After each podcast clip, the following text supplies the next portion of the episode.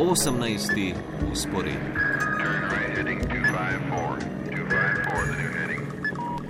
Gre na Hrvaško, kamor se je prejšnji teden odpravilo več deset tisoč slovencev. Z našo zagrebsko dopisnico Tanjo Borčič Bernard razmišljamo o začetku turistične sezone in napovedih za njen glavni del, o zamiku odprtja Peljaškega mosta, ki ga težko pričakujejo Hrvati in turisti, pa tudi o tem, zakaj je predsednik Milanovič napovedal, da bo blokiral pristopanje Finske in Švedske k NATO. Hkrati pa eh, pregledamo še odzive hrvaške politike na rezultate slovenskih volitev. Tanja, pozdravljena. Lepo zdrav iz Zagreba. Pred tednom dni so bili meni prehodi med Slovenijo in Hrvaško polni, proti obali se je, kot rečeno, odpravljalo več deset tisoč slovencev. Če veliko krat slišimo, da so prvomajske počitnice nekakšen lakmusov papir za glavni del turistične sezone, kaj lahko po tem takem eh, Hrvati pričakujejo na podlagi izkušenj preteklega tedna? Ja, konec aprila in začetek maja je bilo na hrvaški obali res največ slovencev. Eh, poleg Nemcev, Avstricev in gostov iz severne Italije, vse, vseh skupaj okrog 135 tisoč, ki so uresničili več kot 500 tisoč nočitev. Ti podatki so zelo, zelo blizu rezultatom iz predpandemijskega leta 2019. Eh, tukaj na Hrvaškem so poročali o 95 odstotkih turističnega uspeha. Eh, Slovenci in Italijani so potem veliko noč povezali s 1. majem, največjih je bilo v Istri in na Kvarnerju. Tako da, če kot si dejal, velika noč lakmusov papir za glavni del turistične sezone, so na Hrvaškem lahko zelo zadovoljni, napovedi so odlične, rezervacije grejo, računajo seveda največ na goste iz držav avtodestinacij. Protikoronske ukrepe so tudi popolnoma ukinili, prehod čez mejo poteka svobodno. Tisto, kar pa skrbi turistične delavce na Hrvaškem, pa je, kakšen bodo letos imeli zaslužek. Cene energentov so namreč tako skočile, da jih ne morejo nikakor nadomestiti z višanjem cen namestitev. Turisti se bodo seveda morali soočiti tudi z neprijetnim zvišanjem cen hrane, kave, druge pijače v lokalih, to se je vse podražilo, nekoliko se je že podražil tudi trajektni promet, se bo pa še enkrat v začetku junija na možne više cene cesnin pa zaenkrat še čakamo. Ministr za promet zaenkrat ni nič napovedoval, bomo videli, kako se bodo odločili. Uh mhm, -huh, no, ko smo že pri cestninah oziroma na cestah, cestah. Eh, ena izmed eh, velikih pridobitev za letošnjo turistično sezono naj bi bilo odprtje Pelješkega mostu, te ključne povezovalne prometnice, ki bo eh, Hrvaško povezala tudi po kopnem. To odprtje je bilo napovedano že za juni, zdaj so ga predstavili na konec julija. Kako to? Ja, to novico je objavil hrvaški HRT, uh, uradno je oblasti še niso potrdile. Uh, prve avtomobile naj bi dočakali šele konec julija, kot si dejal, tako vse poroča HRT. Vzrok so zamude pri gradni pristopnih cest na polotoku Pelješcu, uh, predvsem na tehnično zahtevni stonski obvoznici. Tam so sicer že prebili cel predora, stonski most je tudi končan, no ostala dela še niso, manjkajo betonske plošče in še marsikaj. Eh, sam Pelješki most, ki so ga gradili Kitajci, je končan v roku. Majhne tehnične nepravilnosti, ki so jih odkrili pri tehničnem pregledu, so že popravili. Eh, zanimivo je, da so tudi po nedavnem hudem potresu stopnje 6,1 v Hercegovini, ki ni bil tako daleč od Pelješkega mostu, most pregledali in ustanovili, da potres na njem ni pustil prav nobenih posledic, kar je seveda zelo prijetno slišati. No, hrvaške turistične delavce na raznih sejmih Turoperaterji seveda sprašujejo, kdaj bo most odprt, takrat bo namreč tudi jug države lažje dostopen po cesti, ampak za zdaj vse kaže, da bomo letos poleti lahko most občudovali le zdaleč. Vprašanje je tudi, če se, bo, če se bodo te pristopne ceste zares uh, zgradile do konca julija. Mhm, zdaj pa eh, se premakniva, predlagam, k eh, politiki, eh, zunani politiki. Pravzaprav predsednik Zoran Milanovič je pred tednom dni napovedal, da bo blokiral vstop Finske in Švedske v NATO. Ob zelo zaostrenih razmerah zaradi vojne v Ukrajini se to zdi še kar nenavadna poteza. No, povej, če se strinjaš oziroma zanima nas tudi, s čim jo Milanovič utemeljuje.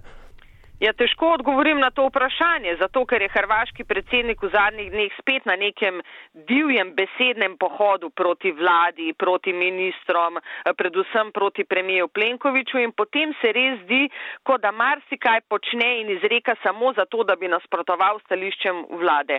Milanovič je, odkar je postal predsednik, postal velik zagovornik pravic Hrvatov v Bosni in Hercegovini, ki si prizadevajo za nov volilni zakon. Po sedanjem zakonu je namreč za predstavnika Hrvatov v predsedstvu eh, Bosne in Hercegovine lahko izbran tudi nekdo, ki ni Hrvat in ne zastopa stališč Hrvatov.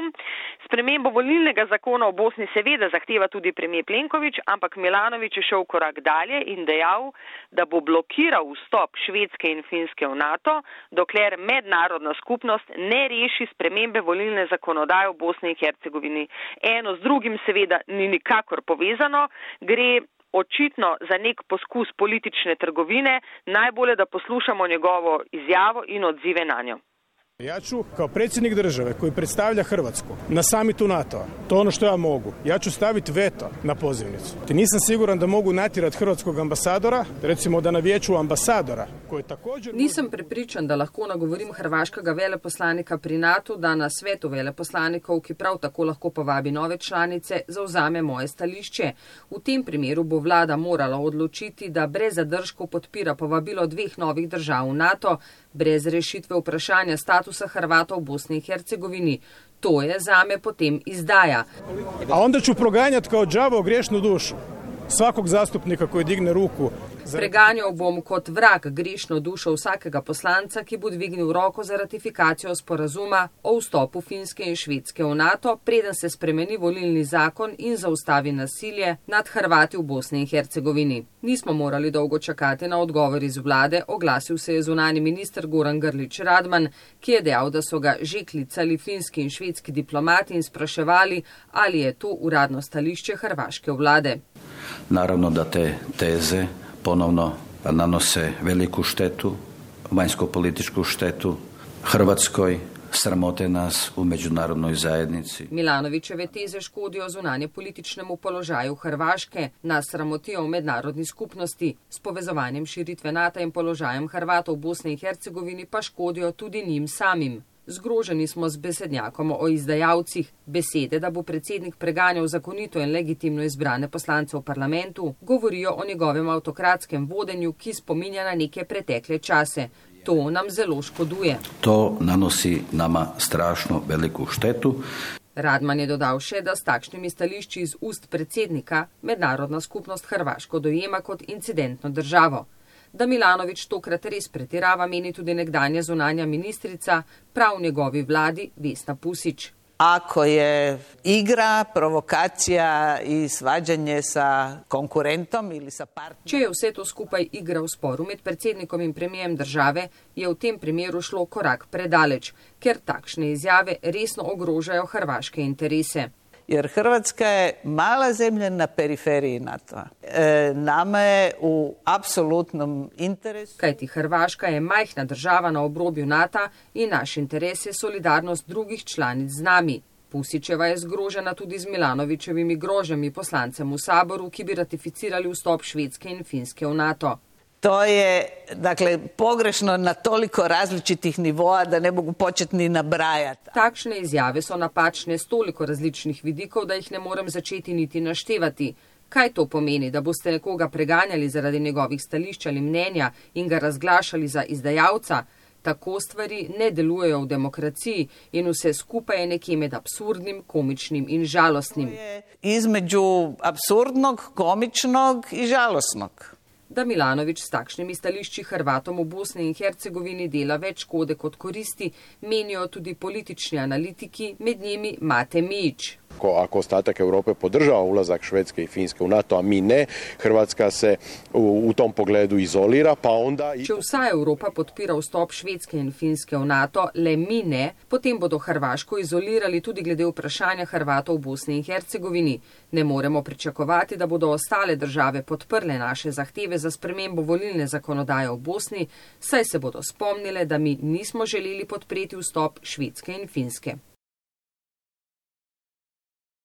Bojkotirati vstopa Švedske in Finske v NATO. O tem na koncu odločajo poslanci v hrvaškem parlamentu, kjer za zdaj njegovo idejo podpirajo le poslanci Mosta in nekateri SDP-evci.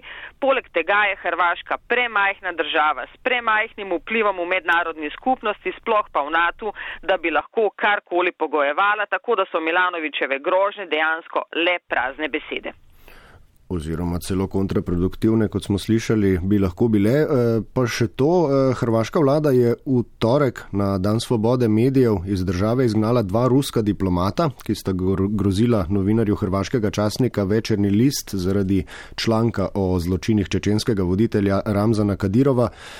Kako je prišlo do tega diplomatskega incidenta in kakšne bi lahko bile njegove posledice?